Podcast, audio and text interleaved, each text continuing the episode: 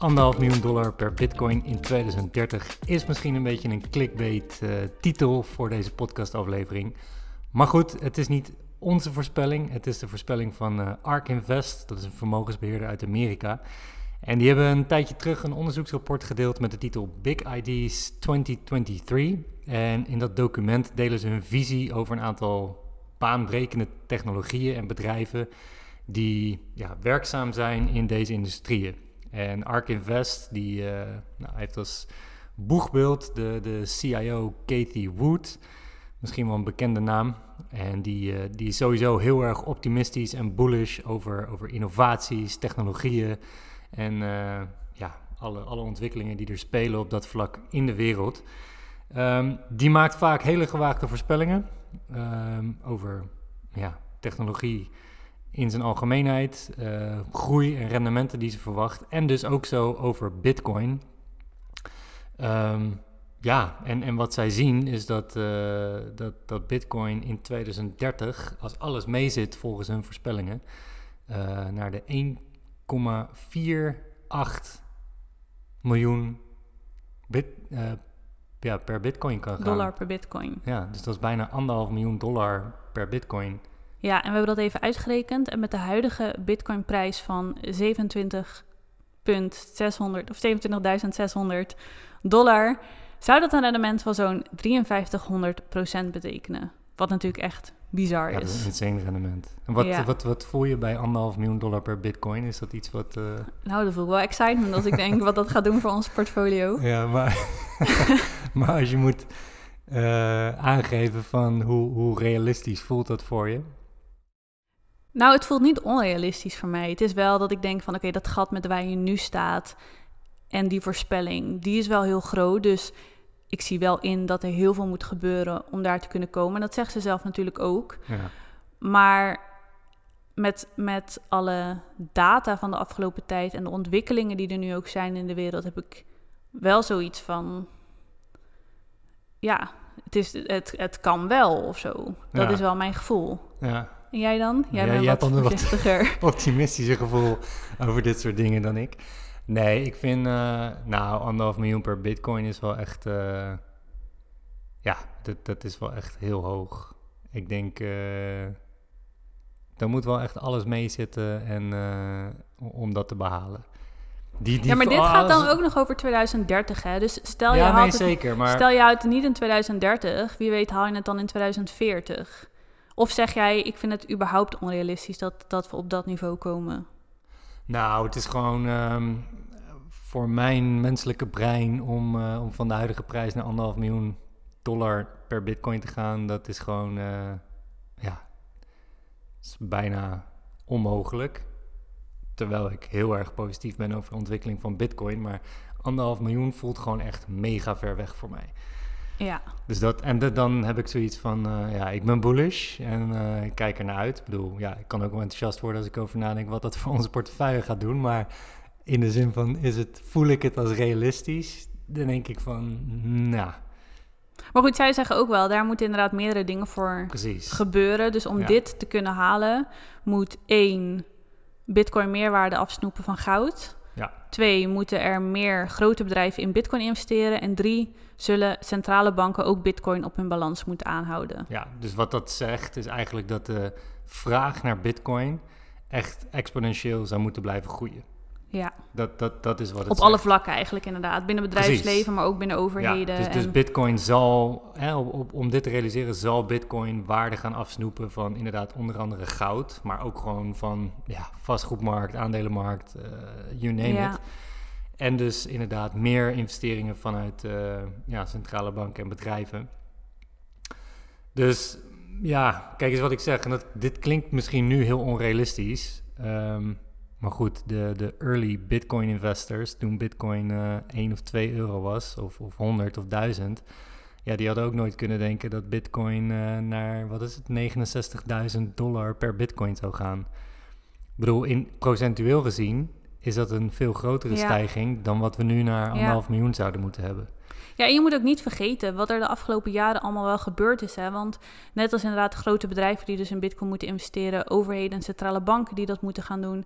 Als je kijkt naar de afgelopen jaren, je hebt natuurlijk wel bedrijven als Tesla en MicroStrategy en ook natuurlijk een land als El Salvador. En Ja, ja, ook in Afrika waren er wat landen mee bezig. ja hè? klopt. Dus meerdere landen die bitcoin ofwel als wettig betaalmiddel maken of op hun balans zetten om, om aan te houden voor de lange termijn. Dus ja, ook dat zijn dingen die, die vijf jaar geleden misschien ehm, ja, helemaal niet realistisch waren, zeg maar. Dus dat is, en dat is een beetje wat ik zeg, van met menselijk brein is het misschien moeilijk ehm, te beseffen. Maar ja, dit soort dingen kunnen wel gebeuren. Dus die groei Ja. zou, zou, in, zou mogelijk Nou, die eerste zijn. tekenen in die zin van wat zij zeggen dat er voor nodig is, die zijn er wel al. Je hebt wel al bedrijven die Ja. erin investeren of dus Ja, en meer, landen. meer. En ja, dus in die zin ga je wel de goede kant op. Ja. Maar goed, dit is, hè, als, als we even op het rapport weer inzoomen, dan is die eh, anderhalf miljoen, dat is in het meest gunstige scenario. Ja, En ze behandelen daarin ook meerdere scenario's. Dus dan, dan hebben ze ook een scenario die zit er een beetje tussenin. En, en als dus dat wordt behaald, dan zit ze op een bitcoin prijs van 628.000 dollar per bitcoin. Eh, en dat zien zij dus als normale omstandigheden. ja. Dus eigenlijk als je gewoon een beetje doorzet misschien wat... Als de huidige groei ja. doorzet, ja, precies. En dan hebben zij ook een, een bear case. Dus dat wil zeggen, wat is het slechtste scenario voor Bitcoin in 2030? En daar verwachten ze een Bitcoin-prijs van 258.500. Dus Ja. dat is het slechtste scenario. En die hebben we ook nog nagerekend. en dan is dat alsnog een rendement van 836 procent. Ja, nou, probeer dat maar eens op een spaarrekening. Op je, met het slechtste scenario inderdaad. Ja. En ge- geloof je daar wel in dat dit het slechtste scenario is? Of zeg je, dit vind ik ook te optimistisch? Mm. Nou ja, de onderbouwing voor het slechtste scenario kan ik wel erg inkomen. Ja, zit het rond de 200, 250.000. Ik vind 250.000 dollar per bitcoin vind ik niet zo gek klinken. Nee, maar niet zo gek klinken. Dat klinkt niet dat als... vind ik realistisch. Ja, maar realistisch is nog steeds niet het slechtste scenario. Nee. Realistisch is in hun ogen die 630.000. Ja, maar ik zou zeggen, als een slecht scenario, dan zou ik zeggen dat die ergens rond de 100k dan eh, zou eh, toppen. Dus hun slechtste scenario vind jij nog positief? Die vind, ja, dat vind ik wel positief, ja. Ja. Nou ja, laten we het hopen. Ja, nou, ik vind 836% rendement zo positief. ja. Maar goed, kijk, wat we zeiden, zij zijn sowieso heel bullish over innovatie, technologieën en dus ook heel bullish over de cryp- crypto-industrie in zijn geheel. Want in datzelfde rapport staat ook dat zij verwachten dat ehm, de crypto-industrie in 2030 kan groeien tot 25 biljoen dollar. En een biljoen is een 1 met 12 nullen, eh, om, om even een beeld te hebben van hoeveel dat is. En dat is dus 25 keer zo groot als de cryptomarkt nu. Want ik heb, ik heb net nog even gekeken voordat we deze podcast gingen opnemen. De, de totale cryptomarkt is nu iets meer dan 1 trillion US dollar. Dus dat is 1 biljoen dollar. Ja, Dus zou die 25 keer zo groot worden. dat is een hoop. Dat is een hele hoop, ja. ja. Maar goed, misschien wel leuk om, om te kijken naar... oké, wat zijn dan een aantal dingen die we zien recent... Eh, drie redenen waarom wij nog een flinke groei verwachten van bitcoin.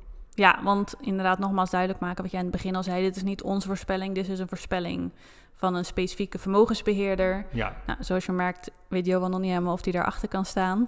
Maar tegelijk geloven wij allebei wel heel sterk in nog een hele grote Ja. groei. En niet omdat we dat zelf heel leuk zouden vinden, maar ook echt gebaseerd op data en onderzoeken en ook gewoon de actualiteit, wat er nu allemaal speelt. Dus we dachten in deze aflevering willen we eigenlijk drie voor ons grote redenen delen met jullie waarom wij nog een flinke groei verwachten. ja. En dus eigenlijk echt gebaseerd op de laatste ontwikkelingen. Ja, laatste ontwikkeling. En daarbij is het natuurlijk ook belangrijk dat je niet in een belegging zit vanwege wishful thinking. Nee, Hè? Dat moet wel ergens op gebaseerd zijn. ja. En dat, dat is denk ik waar veel... Ja, nog meer dan hype en nieuws en Precies. dat soort dingen. Ja, bedoel, je kan de wildste voorspellingen erop loslaten, maar ja, dat kan iedereen doen. Maar waar is het op gebaseerd en is het überhaupt mogelijk? Dus dat, eh, ja, daar, daar willen we even induiken in deze podcast. Wat is de eerste? De eerste reden is dat er steeds minder bitcoin beschikbaar zijn.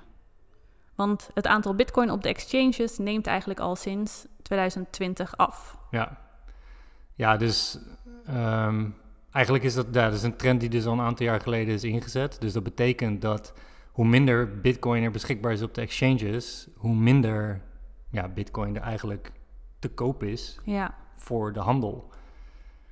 Ehm, en, en wat dat dus ook laat zien, is dat hoe minder er beschikbaar is op exchanges, dat steeds meer mensen het in eigen beheer nemen met, met een cold wallet. Dus bijvoorbeeld hè, met een ledger. Dus dat is, ehm, dat is een groot ding. En, en wat je daar in combinatie mee ziet, is dat het aantal bitcoin wat eh, dus tien jaar niet is bewogen. Dus, dus dat betekent eigenlijk, eh, daar is, ja, mensen verkopen dat niet meer. Mensen houden dat echt vast voor de lange termijn. Dat is nu voor het eerst ook hoger dan de bitcoin die er beschikbaar is op, op crypto exchanges. En ja, dat, dat laat natuurlijk twee dingen zien. Dat mensen, bitcoin beleggers, ja, vanaf het eerste uur eigenlijk, die nog steeds massaal bitcoin aanhouden voor de lange termijn. Nou, waarom doe je dat? Omdat je verwacht dat de prijs in de toekomst een stuk hoger zal zijn dan dat die nu is. ja, En het tweede is natuurlijk, als er steeds minder beschikbaar is voor mensen op exchanges met een toenemende vraag, dan ja, moet de prijs omhoog gaan. Want mensen die verkopen, die zijn pas bereid om te verkopen met tegen een hogere prijs. ja. Dus als iets schaarser wordt, ongeacht welke belegging dat is, bedoel je kan ook eh, kijken naar de vastgoedmarkt. Er is een woningtekort. Dus daar, en met een stijgende vraag of gelijkblijvende vraag gaat, moet de prijs omhoog. ja, het is gewoon vraag en aanbod inderdaad. Precies. Dus als er straks meer vraag komt, terwijl het aanbod afneemt, omdat steeds meer mensen denken, nee, ik hou mijn bitcoin vast. Exact. Ja, dan, dan drijft dat automatisch Ja. de prijs omhoog. Dus het meest logische gevolg is inderdaad dat, dat, dat de prijs omhoog zou gaan. En dat is dus eigenlijk ehm, ja, een van de meest positieve signalen die je kan hebben voor Bitcoin richting, eh, richting die toekomst en richting die groei naar nou, misschien wel anderhalf miljoen dollar. Maar nog even over die, want jij zei dus van dat het aantal bitcoin wat al tien jaar niet is bewogen, is groter dan wat er nu beschikbaar is op crypto exchanges. Ja, Dus dat zijn heel veel mensen die echt er vroeg bij waren, ja, die het al meer dan tien jaar aanhouden. Die groep, of dat, dat ja, dat, die mensen hebben natuurlijk voor relatief laag bitcoin kunnen kopen, dus die hebben ja, gemiddeld genomen natuurlijk veel meer bitcoin. Ehm, maar die, ja, dus is echt een hele grote groep bitcoiners, mensen met bitcoin, ja, die dat, eh, die dat die dat nu nog aanhoudt.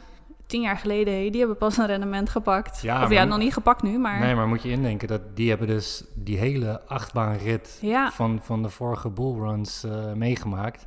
En meerdere keren op, nou ja, dat, dat zijn honderdduizenden tot miljoenen aan, eh, aan papieren winsten. ja. En dat Die- ook weer zien verdampen. Nee, maar Ja. toch? Als je we hebben een paar meest- keer een ja, 80% daling gehad. Dat is nog het meest eh, bizarre. En kijk, in die tien jaar, eh, of in, in die club van tien jaar, daar, daar zullen waarschijnlijk ook mensen tussen zitten die ja, misschien wel de wachtwoorden van hun Ja, eh, bitcoin kwijt zijn, van, van Ja. hun ledger, en daar niet meer bij kunnen. Ja, Maar goed, ehm, dat zullen ze niet allemaal zijn. nee. En, ehm, en ook al zijn mensen hun wachtwoorden kwijt, het maakt bitcoin in die zin wel schaarser. ja, Want ook die bitcoin kunnen nooit meer verhandeld worden. nee. Dus als je zegt, oké, er komen max 21 miljoen bitcoin ever beschikbaar. Hè, dat staat gewoon in de software zo vast. Nou, laat er een hele hoop bitcoin zijn die verloren is. Of hè, mensen die eh, kwijt zijn geraakt, hun ja. wachtwoorden, weet ik veel wat. Dus Eigenlijk is er minder beschikbaar dan Precies. 21 miljoen. ja, dus Ja. Dat, dat maakt het eigenlijk nog schaarser. Ja.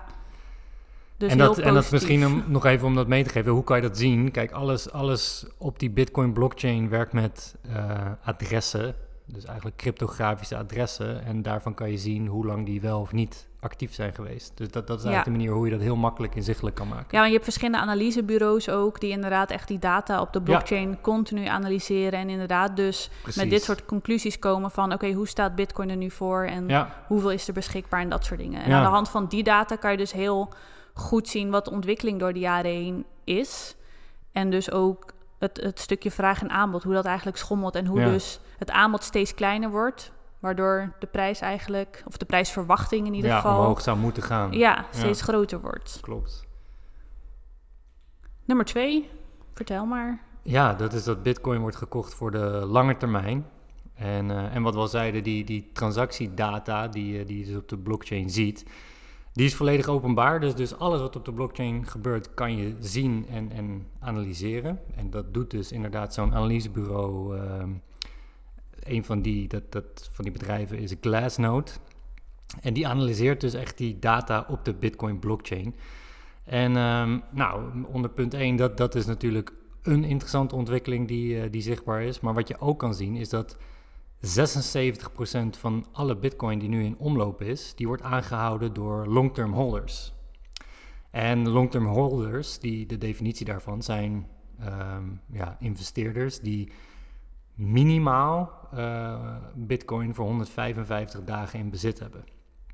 En die 76%, dat is het hoogste niveau in de historie van bitcoin.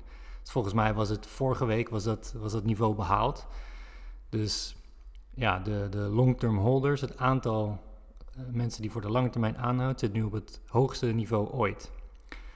Ja, en dus, dat, wat ook dus weer zegt dat inderdaad dus eigenlijk 76% verwacht dat bitcoin in de toekomst meer waard zal worden. Precies, ja. En je ziet dat eigenlijk ook in, in groepen. Hè, dus dit gaat 76% die minimaal 155 dagen in bezit heeft.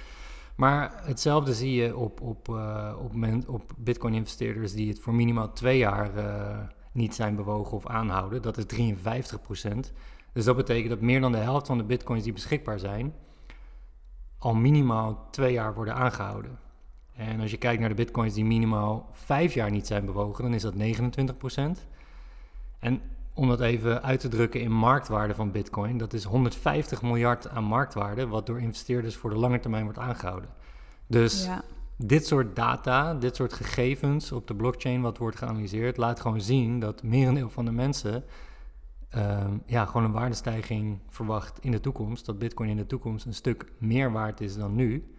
Anders zou je het niet aanhouden. Ja, ja dus eigenlijk als je 1, punt 1 en punt 2 samenvoegt, dan is het dat er een hele grote groep is die al meer dan 10 jaar eigenlijk Bitcoin aanhoudt. Er is, nou wat is het, meer dan een kwart wat het al meer dan 5 jaar aanhoudt. De helft houdt het meer dan 2 jaar aan. En een hele grote groep die heeft het dan nu voor 5, 6 maanden al aangehouden en die verwachten een nog grotere stijging. Dus dat laat inderdaad gewoon heel erg zien dat mensen gewoon geloven in de potentie, in de toekomst van Bitcoin. In welke groep zitten wij? Ja, ik zat er net te denken, in vijf jaar zitten wij. nou, iets meer, meer dan, vijf, jaar. Dus we zitten in de groep van, van, van minimaal 29 procent. Ja.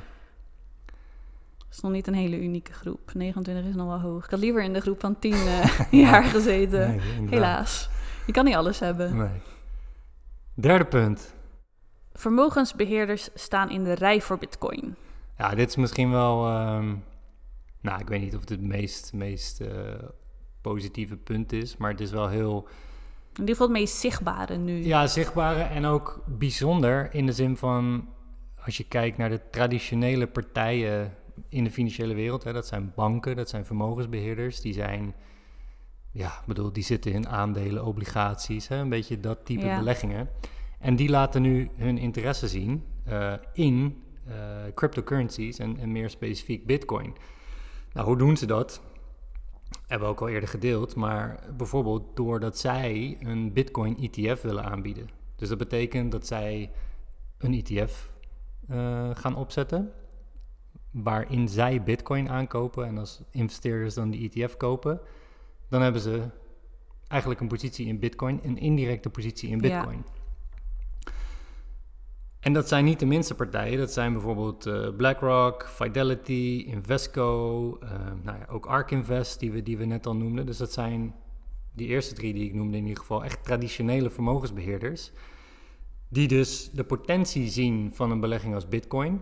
En een aantal van deze partijen die hebben jaren geleden gezegd: Oh, Bitcoin is een Ponzi, Bitcoin is een scam, uh, bla bla bla. En dat soort partijen wil nu profiteren van de groei van Bitcoin. Dus ja, enerzijds laat dat zien van hey, dit soort partijen ziet een enorme potentie, maar het is tegelijkertijd ook uh, een bevestiging van de volwassenheid van, een, van een belegging als Bitcoin. Want dit, dit soort partijen gaat, gaat niet zo'n ETF-aanvraag doen. Uh, die gaan niet hun reputatie op spel zetten. Als ze denken dat Bitcoin toch iets shady's is en hè, dat, er, dat er wat mis mee is. Nee, dat, dat hebben ze onderzocht en daar hebben ze zoiets van, nou, dat is iets waar, waar wij onderdeel van uit willen zijn. Uh, dus daarom doen ze dat. Ja, en wat we ook in de vorige keer denk ik ook zeiden, maar misschien nog goed om nog een keer te benoemen, dat dit soort partijen dit ook alleen doen als ze voelen dat hun doelgroep daar behoefte aan heeft. Precies, dus waarschijnlijk is er ook vanuit hun klantenkring een grote vraag. En in de vorige podcast zeiden we inderdaad ook van er zijn best wel een hoop partijen die dus bijvoorbeeld niet direct in Bitcoin mogen investeren, maar die wel heel graag die Ja. groei mee willen pakken en die op deze manier daar wel in kunnen investeren. Dus je ziet ook dat er nu best wel een grote groep investeerders is die niet kan of dat risico niet wil nemen of Ja, nou, om welke reden dan ook nu niet in bitcoin investeert, maar zodra dit goedgekeurd is, daar wel ook Ja. in willen investeren. Waardoor je dus merkt van er is gewoon nog heel veel vraag naar. Want anders zouden dit soort partijen niet zo'n ETF gaan opzetten. nee, dit is gewoon heel veel onvervulde vraag. Precies, ja. Eh, geld, ja, eigenlijk money on the sidelines. Dus er staat, staat gewoon geld klaar ehm, van deze partijen om, om in bitcoin te stoppen eh, voor hun ETF's. En ja, als je, als je het hebt over wat is nou het, beheerde, het totaal beheerde vermogen van, van deze vermogensbeheerders die een bitcoin ETF hebben aangevraagd, dat is meer dan 16 biljoen. Nou, dat betekent uiteraard niet dat al dat geld in bitcoin gaat. Het, het zal een, een klein onderdeel daarvan zijn, maar ik bedoel, dat geeft weer aan van dit zijn geen kleine jongens Nee. die dit willen. Nee, het zijn gewoon serieuze, grote vermogensbeheerders. Die gewoon echt die in de enorme, rij staan ja, om, om dit een aan te bieden. Dus, en zien. dit, eh, dit ligt nu ter goedkeuring bij, eh, bij de SEC. Dus dat is de, ja, zeg maar de, de financiële autoriteit, de beurswaakhond in Amerika. Die moet daar uiteindelijk een klap op geven of, het, of ze dat goedkeuren. Ja, En zodra dat goed is gekeurd, ja, dan eh, gaan de sluizen open. ja. ja, en dat is niet eens het enige positieve nieuws. Nee, ja, er zijn ook, ook traditionele partijen, eh, zoals bijvoorbeeld Deutsche Bank. Dat is eh, volgens mij in Duitsland de grootste bank. Die hebben bijvoorbeeld een licentie aangevraagd om eh, bitcoin en crypto custody diensten aan te gaan bieden. En custody diensten, dat zijn eigenlijk, ja, custody, dat betekent bewaar, hè, dus het bewaren van. En daarmee geven ze dus aan dat zij crypto of bitcoin willen bewaren voor klanten die daarin investeren. Dus ja, je weet zelf ook, het is best wel een gedoe om, eh, om, om crypto op je ledger te zetten. Als er klanten zijn die dat niet willen en dat liever uitbesteden, dan wil Deutsche Bank dat voor je doen. En in Duitsland is dat Deutsche Bank. Eh, in Amerika is dat een traditionele partij als Bank of New York. Dat is een van de oudste banken in, in Amerika die dat aanbiedt.